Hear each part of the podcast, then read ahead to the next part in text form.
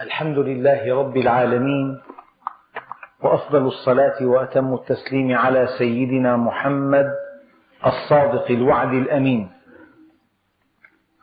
اللهم لا علم لنا إلا ما علمتنا إنك أنت العليم الحكيم. اللهم علمنا ما ينفعنا وانفعنا بما علمتنا وزدنا علما. وأرنا الحق حقا وارزقنا اتباعه. وأرنا الباطل باطلا وارزقنا اجتنابه واجعلنا ممن يستمعون القول فيتبعون أحسنه وأدخلنا برحمتك في عبادك الصالحين.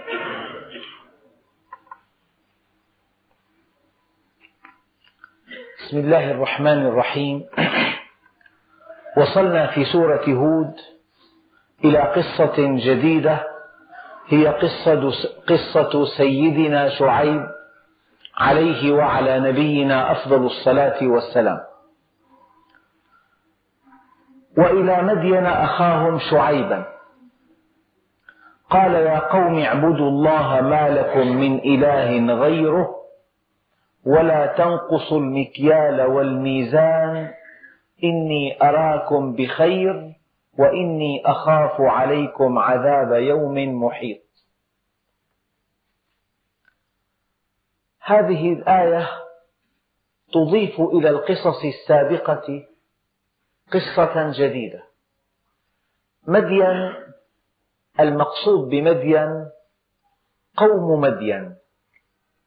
ومدين إما اسم القوم وهم من العرب يسكنون في شمال الجزيرة العربية وإما أنهم سموا بهذا الاسم نسبة لمدينتهم مدين. إما هم بنو مدين أو لأنهم سكنوا مدين. على كل وإلى مدين أخاهم شعيبة. اليوم القصة قصة سيدنا شعيب. أما أنه أخوهم فهناك أخوة إنسانية وهناك أخوة آه، متعلقة بقومه هو منهم يعرفونه نشأ بين ظهرانيهم مطمئنون إليه لا يشكون في نسبه. أخاهم شعيبا فأخاهم منصوبة. هذه من الأسماء الخمسة. تقول جاء أخوهم ومررت بأخيهم ورأيت أخاهم. ما الذي نصبها؟ يعني وأرسلنا إلى مدين أيضا أخاهم شعيبة. قال يا قوم اعبدوا الله ما لكم من إله غيره. هذا هو ملخص الديانات الثلاث. ملخص رسالات السماء. جوهر الدين. أن تعرف أنه لا إله إلا الله وأن تعبده ولا تعبده إلا إذا عرفته ولا تعرفه إلا إذا نظرت في الكون فعرفته من خلال آياته. هذه معرفة فكرية أما إذا أقبلت عليه فهذه معرفة نفسية وشتان بين المعرفتين. إما أن تستنبط بفكرك أن هذا الإله قوي وأنه عادل وأنه رحيم وإما أن تذوق رحمته. أن تذوقها. إما أن يتجلى عليك باسم الرحيم فتعرف رحمته. قد يتجلى عليك باسم القوي فتعرف قوته. قد يتجلى عليك باسم الجميل فتعرف جماله. هذه معرفة. معرفة تتأتى من الإقبال عليه. وإذا فكرت في آيات الله تعرفه عن طريق الفكر. معرفة فكرية ومعرفة نفسية. المعرفة الفكرية وحدها لا تكفي. إذا أضيف إلى المعرفة الفكرية تلك المعرفة النفسية المبنية على الإقبال عليه بعد هذه المعرفة ليس هناك انتكاسة أبدا. وإلى مدين أخاهم شعيبا قال يا قوم اعبدوا الله ما لكم من إله غيره. إذا فكرتم ودققتم ونظرتم واستقصيتم في أرجاء هذا الكون في أنفسكم في طعامكم في النباتات في الحيوانات في ظواهر الطبيعة في الكواكب في المجرات استنبطتم أنه لا إله إلا الله. إذا استقمتم على أمره وأقبلتم عليه عرفتموه معرفة نفسية. فلو شاهدت عيناك من حسننا الذي رأوه لما وليت عنا لغيرنا ولو سمعت أذناك حسن خطابنا خلعت عنك ثياب العجب وجئتنا. لو أنك تذوق ما عند الله لزهدت فيما سواه. ولكن البطولة أن تعرفه فإذا عرفته أقبلت عليه وزهدت فيما سواه. ما لكم من إله غيره ولا تنقصوا المكيال والميزان إني أراكم بخير. ما السبب الذي دعا إلى إهلاك هؤلاء؟ أنهم أنقصوا المكيال والميزان. الله سبحانه وتعالى أهلك قوم لوط لأنهم فعلوا الفاحشة. وأهلك قوم شعيب لأنهم أنقصوا المكيال والميزان. وأهلك الأقوام السابقة بذنوب اقترفوها.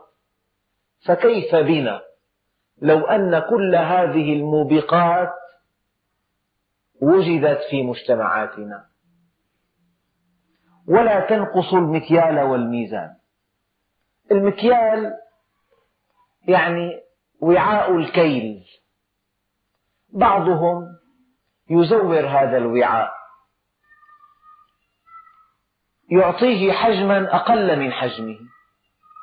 بعضهم يضع في المكاييل صفائح تقلل من حجمها. هذا من إنقاص المكيال. وبعضهم يغش الحليب ماء فكأنه أدى ثلثي هذا الحليب لأنه أضافه ماء. هذا أيضا من إنقاص المكيال. والميزان بعضهم يبدل ويغير في الصنجات. بعضهم يضيف مادة ليست من جنس المبيع.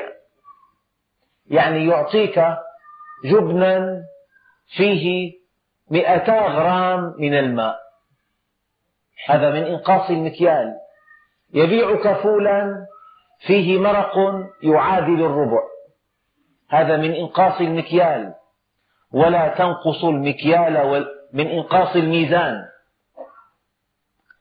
يبيعك لبنا مصفى وهو غير مصفى. هذا من إنقاص الميزان. يضع لك عبوة لها وزن ثقيل لبضاعة غالية الثمن. هذا من إنقاص المكيال. إما أن يضيف مواد أو وعاء أو غشا أو ما شاكل ذلك. ويقاس على المكيال والميزان الأطوال. يبيع القماش بالطول. يشده إذا باعه. فإذا اشترى قماشا يجعل القماش على شكل خط منحن. يشتري القماش وهو مرخى ويبيعه وهو مشدود. هذا من إنقاص المكيال والميزان تجوزا أي الأطوال. والمساحات كذلك. هناك من ينقص في المساحة يضع الجدار على أرض جاره. هذا من إنقاص المساحة.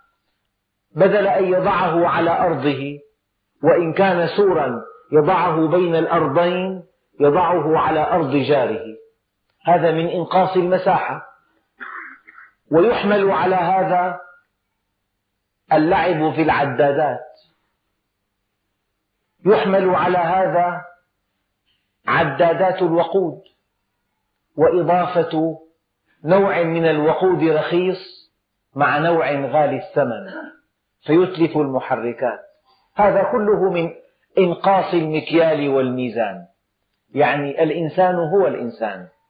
المنحرف هو المنحرف. في شتى العصور في شتى في أي في كل الأمصار. ولا تنقصوا المكيال والميزان. إني أراكم بخير. ما هو الخير الذي عبر عنه هذا النبي الكريم؟ قال بعض العلماء الخير وفرة المواد ورخص الأسعار. هذا هو الخير. إن كان هذا الخير موجودا مع المعصية فهذا خير سيأتي بعده شر. أحيانا يستخدمون عبارة في بعض البلاغات هدوء حذر. هدوء حذر. يعني هذا الهدوء سيأتي بعده قصف عشوائي. وهذا الخير إذا توافرت المواد بأسعار رخيصة والناس غارقون في المعاصي فهذا الخير لا يدوم. لا بد من أن يأتي بعده شر. لأن الله سبحانه وتعالى يقول وكأي من قرية كانت آمنة مطمئنة يأتيها رزقها رغدا من كل مكان. إني أراكم بخير. فكفرت بأنعم الله. فأذاقها الله لباس الجوع والخوف بما كانوا يصنعون. إذا رأيت الله يتابع نعمه عليك وأنت تعصيه فاحذره. هذا هو الهدوء الحذر. سيأتي بعد هذا الخير شر. إن لم نشكر إن لم نتب إن لم نستقم على أمره إن لم يحب بعضنا بعضا إن لم يرحم بعضنا بعضا. إني أراكم بخير. هذا الخير لا يدوم. هذا هو المقصود من قوله إني أراكم بخير. أنتم في بحبوحة. أنتم في نعم في بعض البلاد الأوروبية التي يرخص فيها اللحم البشري إلى درجة مذهلة.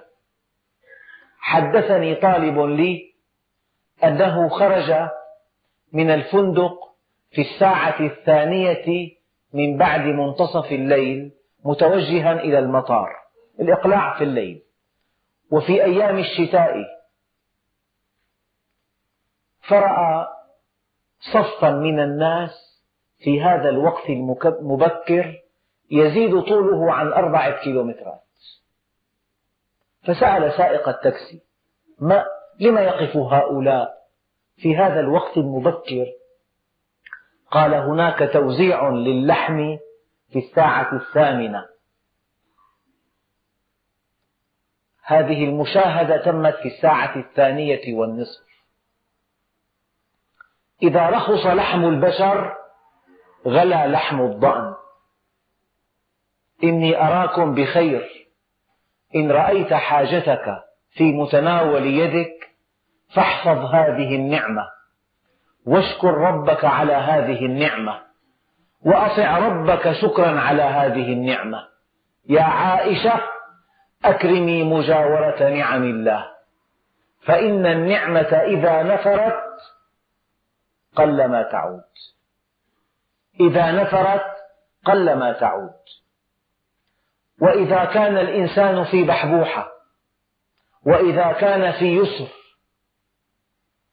وكان مستقيما على أمر الله فلا يخشى شيئا لقوله تعالى لا يغير الله ما بقوم حتى يغيروا ما بأنفسهم. إن كنت في بحبوحة وأنت شاكر مستقيم طائع لك عمل طيب لا تخشى أن تزول هذه النعمة. لا تزول أبدا لأن الله يحفظك ويحفظها لك. يحفظك ويحفظها لك. إن لم تغير لا يغير. لئن شكرتم لأزيدنكم. إني أراكم بخير. وإني أخاف عليكم عذاب يوم محيط. إن لم تعودوا إن لم تتوبوا إن لم تنيبوا إن لم تثوبوا إلى رشدكم إني أخاف عليكم عذاب يوم محيط. معنى محيط يعني لا لا مندوحة من تحمل نتائجه الوبيلة. لا مندوحة من تحمل مغبته. كيف يحاط بالإنسان؟ كيف يضرب على إنسان طوقا؟ إن اتجه إلى هنا يرى الطريق مسدود. وإن اتجه إلى هنا يرى الطريق مسدود. وهذا هو العذاب المحيط. قد يصاب الإنسان بمرضين. أدوية هذا المرض تزيد من هذا المرض وأدوية هذا المرض تزيد من هذا المرض. هذا المحيط. قد يفقد الإنسان المال ويفقد الزوجة ويفقد حريته في وقت واحد. إني أخاف عليكم عذاب يوم محيط. العلماء لهم في تفسير هذه الكلمة أو هذه الآية مذاهب شتى. عذاب محيط قال بعض العلماء غلاء الأسعار. وعذاب محيط الاستئصال من الدنيا. وعذاب محيط عذاب النار. إما غلاء الأسعار وإما عذاب الاستئصال وإما عذاب النار. إن لم تعودوا أنتم بخير. إني أراكم بخير لكنكم تنقصوا المكيال والميزان. لا تؤدوا للناس حقوقهم. وإني أخاف عليكم عذاب يوم محيط.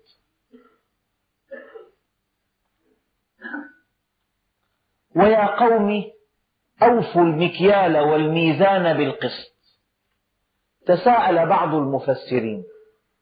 حينما ينهى الله سبحانه وتعالى عن أن ينقص المكيال والميزان. أليس في معنى هذا النهي وفاء المكيال والميزان؟ فلم أعاد الله سبحانه وتعالى علينا الكرة وقال وأوفوا المكيال والميزان. قال هذا من باب التأكيد. وصف لك بشاعة إنقاص المكيال والميزان ودفعك إلى الوفاء بالتمام والكمال للمكيال والميزان. أما كلمة بالقسط وأوفوا المكيال والميزان بالقسط يعني ليس لست مطالبا أن تزيد على الحد الصحيح. لست مطالبا أن تبيع الكيلو 1200 غرام. لا ألف ألف. بالقسط يعني لست مطالبا أن تزيد في الوزن والكيل عن الحد المعقول. إن كان الله سبحانه وتعالى نهاك عن أن تنقص عن الحد المقبول لم يأمرك أن تزيد عن الحد غير المعقول. وأوفوا. المكيال والميزان بالقسط ولا تبخسوا الناس أشياءهم. يعني دخل إلى هذا المطعم ليأكل طعاما. قدمت له من الطعام مئة وخمسين غراما على أنها مئتان. ماذا فعلت أنت؟ أنقصت المكيال. وبخست المال. ماله هذا. لم يكتفي بهذا الطعام. دفع مبلغا باهظا ولم يكتف بهذا الطعام. بخست الناس أشياءهم. إن أراد أن يبيعك شيئا أنقصت فيه. قال عليه الصلاة والسلام إن أطيب الكسب كسب التجار. المؤمنين طبعا.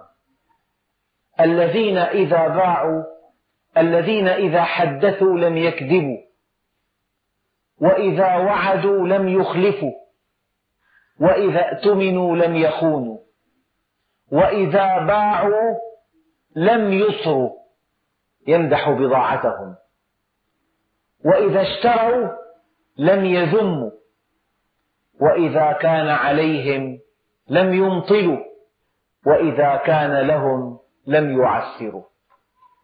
هؤلاء الذين يحفظهم الله من هزات تصيب معظم التجار.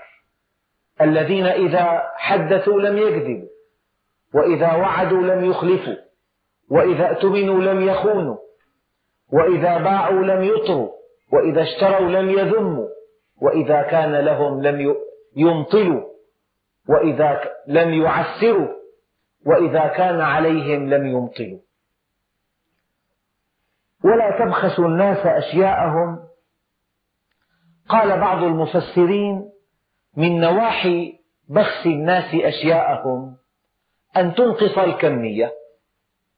دفع لك مبلغ على أن هذه الكمية وزنها كذا أو حجمها كذا أو مساحتها كذا أو طولها كذا. فإذا هي أقل من هذا.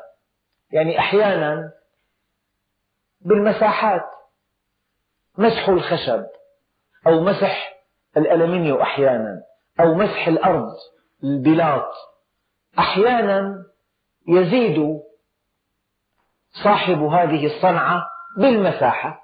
اتفق على المتر ألف ليرة على المتر 300 ليرة. اتفاق شرعي. هو كيف كسب مالا حراما؟ بزيادة المساحة. هذا من بخس الناس الأموال. الشيء الثاني من إخفاء العيوب. إذا بعت البضاعة أخفيت عيبها. فإذا اشتريتها دققت في عيبها وبالغت في العيب حتى أن صاحب هذه البضاعة تنهار معنوياته.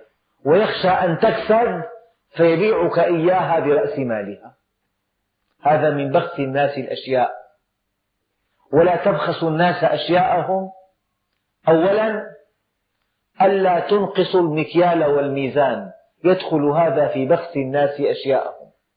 الشيء الثاني أن لا تخفي العيب إذا بعت وألا تبالغ في هذا العيب إذا اشتريت. يعني مثلا رجل شاهد غرفة نوم مناسبة. لها سريران. فقال للنجار أنا أريد سرير واحد. قال له ماشي الحال. كم تحسن لي؟ قال له 500 ليرة. لو أتاه إنسان آخر وشاهد غرفة نوم بسرير واحد قال له بدي سريرين. كم تزيد عائلة 2000 ليرة؟ لماذا حسنت للأول 500 وأضفت على الثاني 2000 إنك إذا بعت بمقياس وإذا اشتريت بمقياس. ولا تبخسوا الناس أشياءهم. إذا كان في بالسجادة عيب إن كنت شاريا تبالغ في هذا العيب إلى أن تسود في عين صاحبها. وإن كنت بائعا لا تبالي بهذا العيب تحتقره تقول له هذا لا قيمة له. هذا من بخس الناس أشياءهم إن لم تعطي الأجير أجره فقد بخسته شيئه وهو جهده. إن لم تعطي الخبير ثمن خبرته فقد بخسته خبرته. إن لم تعطي الطبيب أجره فقد بخسته علمه. إن لم تعطي المهندس ما اتفقت معه عليه فقد بخسته علمه. إن لم تعطي صاحب الحاجة حقه فقد بخست حاجته. ولا تبخسوا الناس أشياءهم. يعني العوام يقولون هناك لصوص النهار.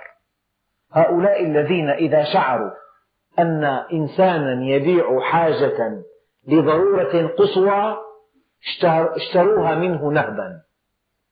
ولا تبخسوا الناس أشياءهم. قال لي صديق اضطر لبيع سجادة. جاب خبير سجاد يعني من النوع الجيد. قال له هي عشرة آلاف ليرة.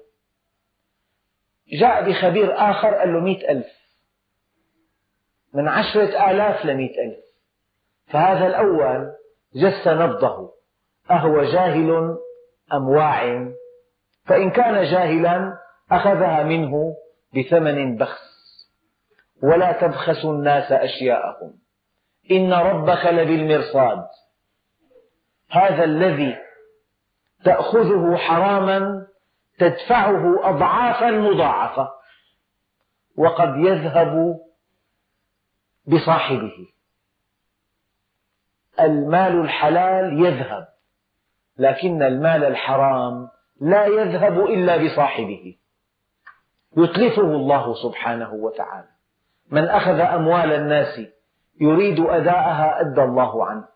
ومن أخذها يريد, إتلافها أتلفه الله. لا تبخسوا الناس أشياءهم. أحيانا تبدي عدم رغبة بهذه الحاجة. تعرض عليك بضاعة ثمينة وأنت في أمس الحاجة إليها. تبدي تمثيلا بارعا أن هذا هذه البضاعة مضى وقتها. وهذا ليس أوانها. وفيها عيوب وأنا لست بحاجة إليها. إن شئت خذ هذا الثمن. هذا يظنه الناس شطارة وذكاء وقدرة على سلب الناس أشياءهم. لا هذا هو الحمق بعينه لأن ربك بالمرصاد. ولا تبخسوا الناس أشياءهم. كان السلف الصالح إن كان بائع هذه الحاجة لا يعرف قيمتها كان هو يعرفه بقيمتها. رجل صالح له شاب كلفه شراء حاجة من بعض أسواق دمشق فاشتراها ولما أبلغ أباه بالسعر قال له غلط إن هذه الحاجة قد ارتفع ثمنها وخذ الفرق. فقال له أبقي في الدنيا أمثال والدك؟ خذ هذه الحاجة بثمنها الأول وأنت, وأنت مسامح. إنسان أعطوه أرضا يعني وصلت إليه بطريقة غير مشروعة. سأل هذا الإنسان شيخا له قال له هذه الأرض حرام. لا بد من أن تدفع ثمنها لصاحبها. ذهب إلى صاحبها وعرض عليه أن يدفع له ثمنها. نظر إليه وقال له والله ضاع مني أربعمائة دنم من الأراضي لم يأتي واحد ليعرض علي هذا العرض. هي هبة لك هبة لك ازرعها بارك الله لك فيها. يعني الذي يعرف الله سبحانه وتعالى لا يأخذ مالا حراما. ولو عرض عليه بسخاء ولا تبخسوا الناس أشياءهم.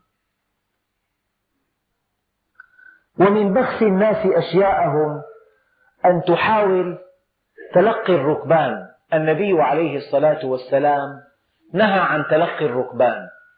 يعني تذهب إلى ظاهر المدينة تتلقى من معهم بضاعة من غذاء أو سمن أو زيت أو جبن لئلا يصل إلى المدينة فيعرف السعر الحقيقي. تأخذ منه هذه الحاجة بثمن بخس. أحيانا يبيع الإنسان بيتا وليس عنده فكرة دقيقة عن أسعار البيوت. ليشتري بيتا أكبر.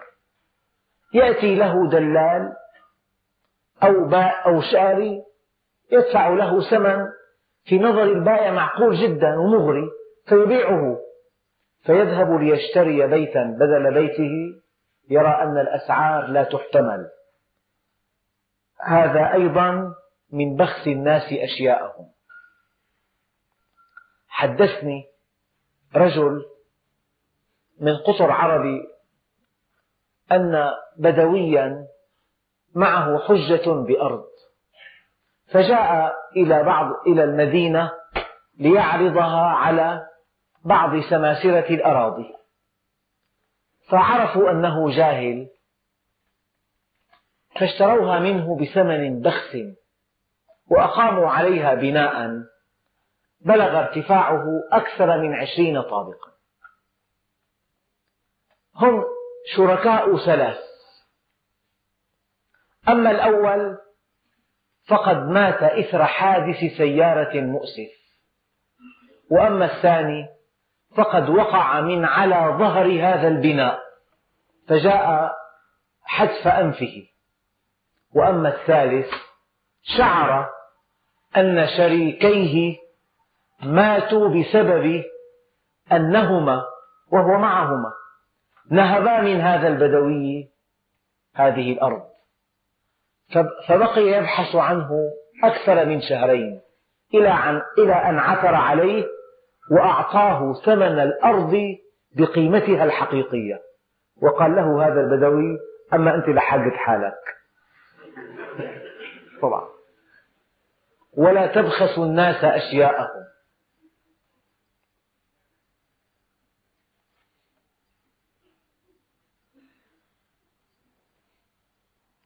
ولا تعثوا في الأرض مفسدين.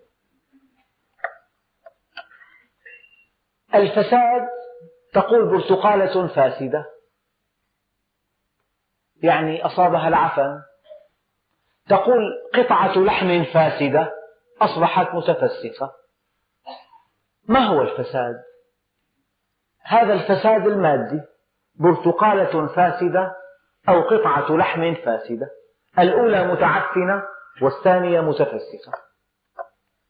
الفساد أن تفسد العلاقة بين زوجين. إياك أن تفسد علاقة بين زوجين.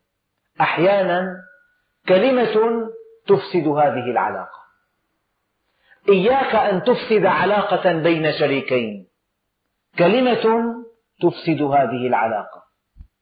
إياك أن تفسد علاقة بين أم وابنها أو بين أخ وأخيه أو بين جار وجاره. إياك أن تفسد. وإذا نظرت إلى النساء أفسدت العلاقة بينك وبين الله. ولأن يسقط الإنسان من السماء إلى الأرض فتنكسر أضلاعه. أهون من أن يسقط من عين الله.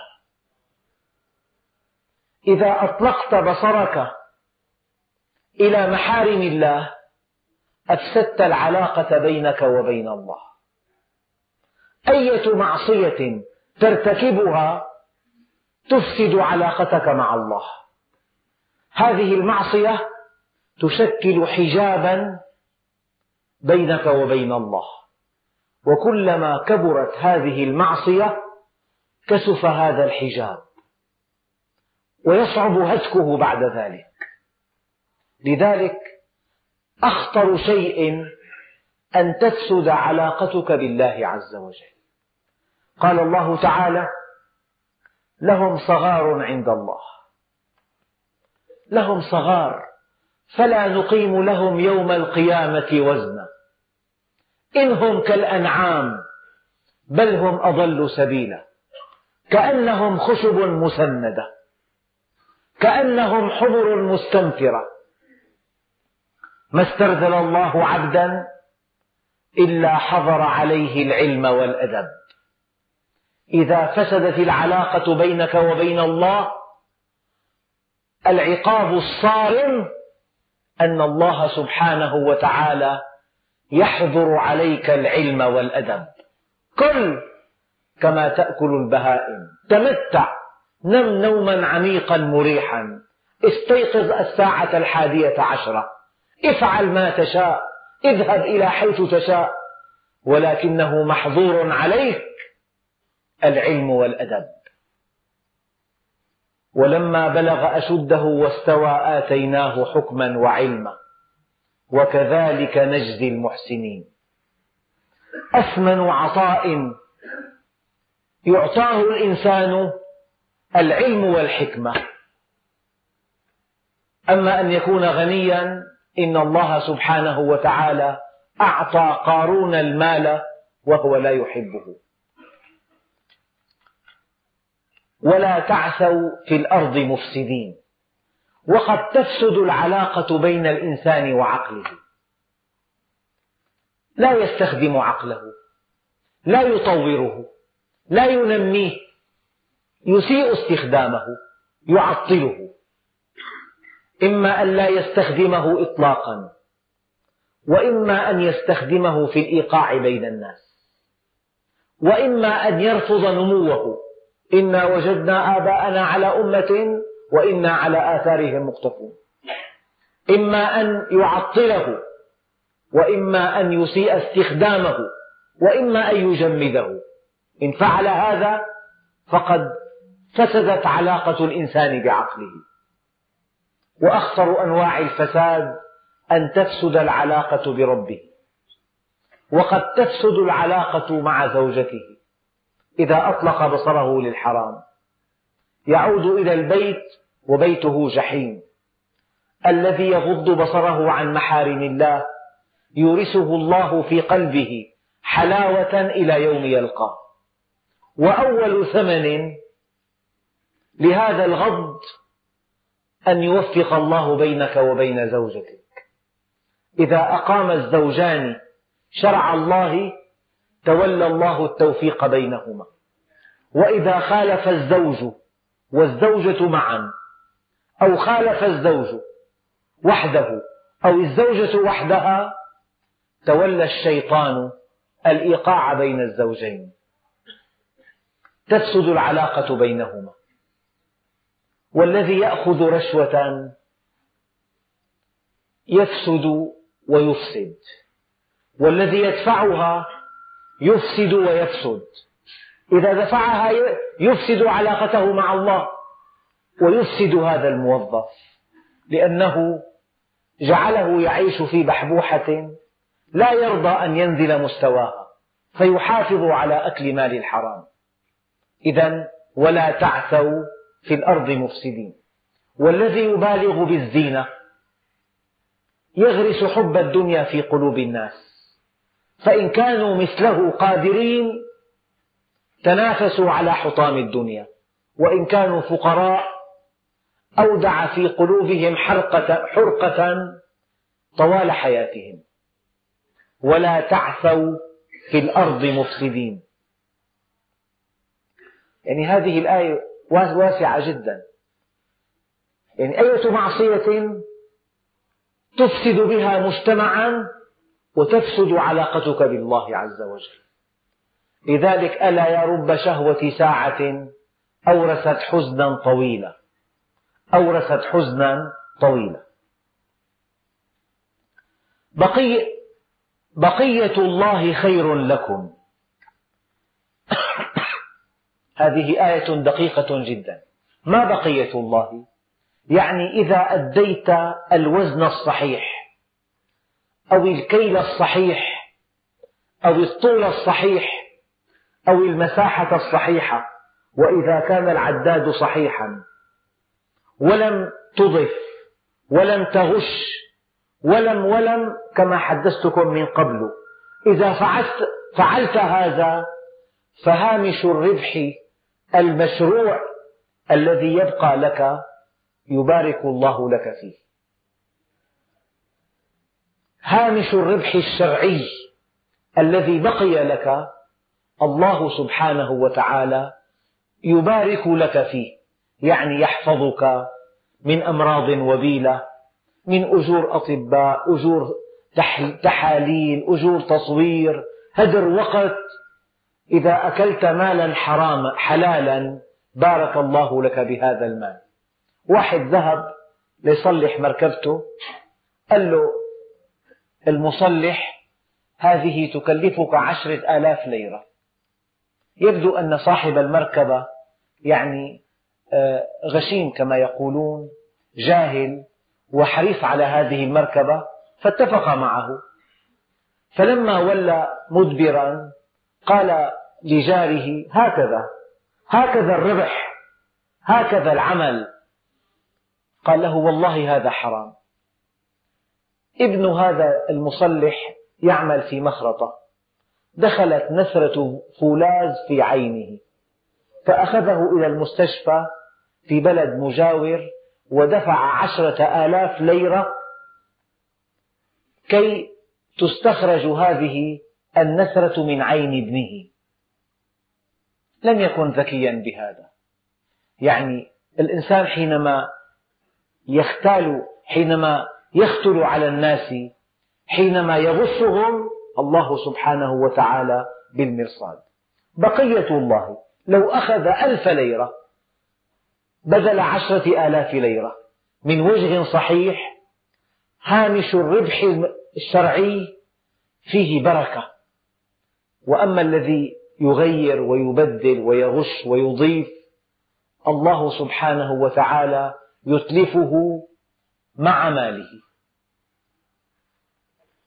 بقية الله بعض المفسرين قال هامش الربح المشروع. هذا الذي أبقاه الله لك. الله سبحانه وتعالى يبارك لك فيه. بعضهم قال طاعتك لله عز وجل هي بقية الله خير لكم. بعضهم قال حفظ الله, حفظ الله لك هذه بقية الله خير لك من الربح غير المشروع. بعضهم قال رحمة الله التي يتجلى بها على قلبك خير لك من هذا المال الحرام. الربح الحلال أو طاعة الله أو حفظ الله أو رحمة الله أو رزق الله خير لك من هذا الربح غير المشروع ومن هذا المال الحرام. بقية الله خير لكم. إن كنتم مؤمنين لكن هذا لا يعرفه إلا المؤمنون. غير المؤمنين يرفضون هذا الكلام. أما المؤمنون الصادقون يعرفون أن أنه في النهاية المستقيم هو الرابح. حدثني أخ يعني عمل مع أناس كسبوا مالا حراما. قال لي والله مضى عليهم ثلاثون عاما وهم يأكلون أموالا من الحرام. وفي النهاية ما من واحد منهم إلا ومد يده إلى الناس قبل موته. أقسم لي ما من واحد منهم إلا ومد يده للناس قبل موته. إذا بقية الله خير لكم. هذا الذي أبقاه الله لك إما الربح المشروع أو رحمته أو توفيقه أو حفظه أو رزقه هذا خير لك. ولكن لا يعرف هذا إلا المؤمن. إن كنتم مؤمنين تعرفون ذلك. وما أنا عليكم بحفيظ. يعني أيام الإنسان كان شعر في عليه مراقبة أوام يضبط الوزن. أما إذا ما في مراقبة هي مشكلة هذا شرك بالله عز وجل. المؤمن من دون مراقبة من لم يكن له ورع يصده عن معصية الله إذا خلا لم يعبأ الله بشيء من عمله.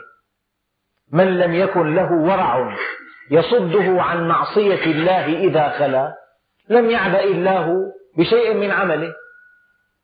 وما أنا عليكم بحفيظ. صعب الإنسان يراقب الإنسان. مستحيل الإنسان يراقب الإنسان.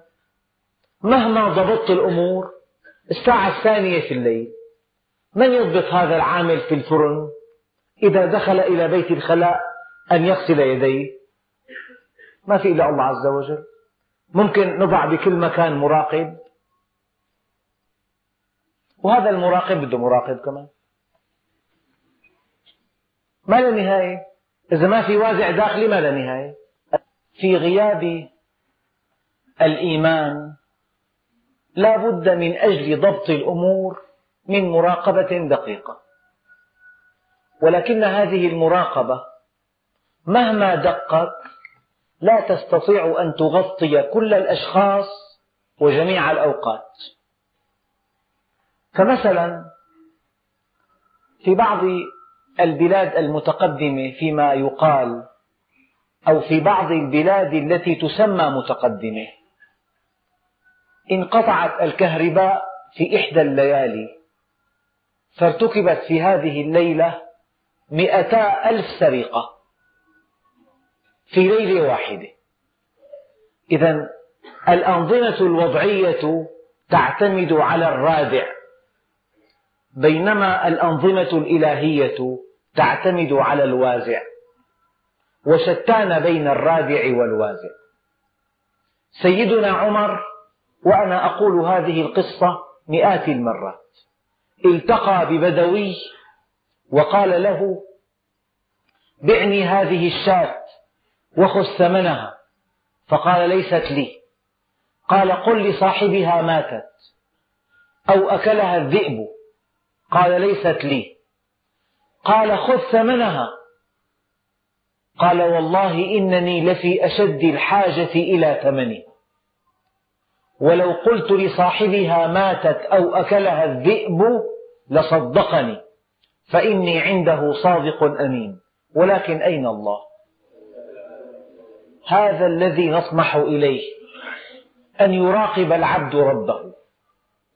لا تحل مشكلاتنا إلا إذا حل الوازع محل الرادع. يعني أن يخشى الإنسان ربه أن يراه يراقبه في كل حركاته وسكناته. وما أنا عليكم بحفيظ. بعضهم قال كل ما, كل ما نستطيع أن نفعله مع المدرس أن نجعله يدخل الصف الساعة الثامنة. طيب هو مع الطلاب هل يدرسهم؟ هل يعتني بهم؟ هل يعطي درسا متقنا هل يشاهد وظائفهم؟ هل يعنى بتطورهم وتقدمهم؟ هذا عائد إلى وجدانه المسلكي. مهما ضبطت الأمور دخل الساعة 8 انتهى. جاءه المفتش في السنة مرة أو مرتين أو ثلاث مرات وإذا علم بمقدمه مسبقا أعطى درسا نموذجيا.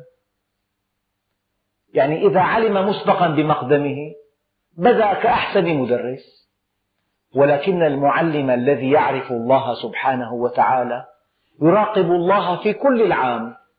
يعني بدل أن يكون درس واحد نموذجي بصير في عنده على مدار السنة كل يوم ست دروس نموذجية إذا عرف الله. هذا المعلم وكذلك الطبيب وكذلك المحامي وكذلك المهندس وكذلك العامل إذا عرفت ربك استقمت على أمره. هذا هو الحل. ما من حل آخر. مهما ضيقت في المراقبة. المراقب قد يكون أذكى من المراقب. يعني كانوا قديما يضعوا بالحليب آه، ميزان كثافة. فإذا كان مسحوب خيره ارتفع هذا الميزان. الآن حين حينما استخدم هذا الميزان تنزع ينزع خير الحليب ويوضع نشاء مكانه. فإذا وضعت الميزان بدا وكأنه كامل الدسم. استخدمت أجهزة معقدة لكشف الدسم. إيه، الآن أصبح الخلل في الذي يعمل على الجهاز. إذا قبض مبلغا يقول الحليب جيد. ما لحل القضية؟ ليس هناك من حل إلا أن يكون في القلب إيمان أن يخشى الإنسان ربه. محلل تأتيه عينة ليفحصها يضعها في المجلى ويكتب النسبة صحيحة مئة في المئة. ليقبض الثمن. يعني هذا ما له حل. وقد تجد الأخطاء من, من أصحاب الخبرات والمثقفين على شكل أخطر. إن لم يكن في القلب إيمان فلا بد لا بد من الإيمان كي تصلح الحياة. ولا بد من الصلح مع الله. إذا رجع العبد إلى الله نادى مناد في السماوات والأرض أن هنئوا فلانا فقد اصطلح مع الله. ما قولكم أن بعض باعة العصير يعطونا البرتقالة خمسين ضربة إبرة ماء سيرنج يعني. بعصرها تلاقي كلها ماء نزلت. هناك من يمدد تمديدات خفية يمزج الزيت النباتي بالبلدي. بيعصر الزيتون أمامك. بنعصر أمامك بنجعل بيجمع. بقعر المستودع في فتحة موصولة بمستودع زيت نباتي. تقول يا أخي والله بنفسي الحمد لله رحت أخذت الزيتونات وعصرتهم أمامي. بيكون نصهم مغسوسين لا بد من الإيمان بالله. لا بد من أن يراقب الإنسان ربه. كي تستقيم الأمور. أما من دون على أساس الرادع لا يمكن أن تغطي المراقبة كل الناس في كل الأوقات. وفي درس آخر إن شاء الله تعالى نتابع قصة سيدنا شعيب. وصلنا إلى قوله تعالى بقية الله خير لكم إن كنتم مؤمنين وما أنا عليكم بحفيظ. والحمد لله رب العالمين. الله الرحمن الرحيم. الحمد لله رب العالمين. وأفضل الصلاة وأتم التسليم على سيدنا محمد الصادق الوعد الأمين. اللهم اجعل جمعنا هذا جمعا مباركا مرحوما واجعل تفرقنا من بعده تفرقا معصوما ولا تجعل فينا ولا منا ولا معنا شقيا ولا محروما. اللهم كما هديتنا للإسلام فثبتنا عليه. اللهم ألزمنا سبيل الاستقامة لا نحيد عنها أبدا. واهدنا لصالح الأعمال لا يهدي لصالحها إلا أنت. وصلى الله على سيدنا محمد وعلى آله وصحبه وسلم والحمد لله رب العالمين الفاتح. بسم الله.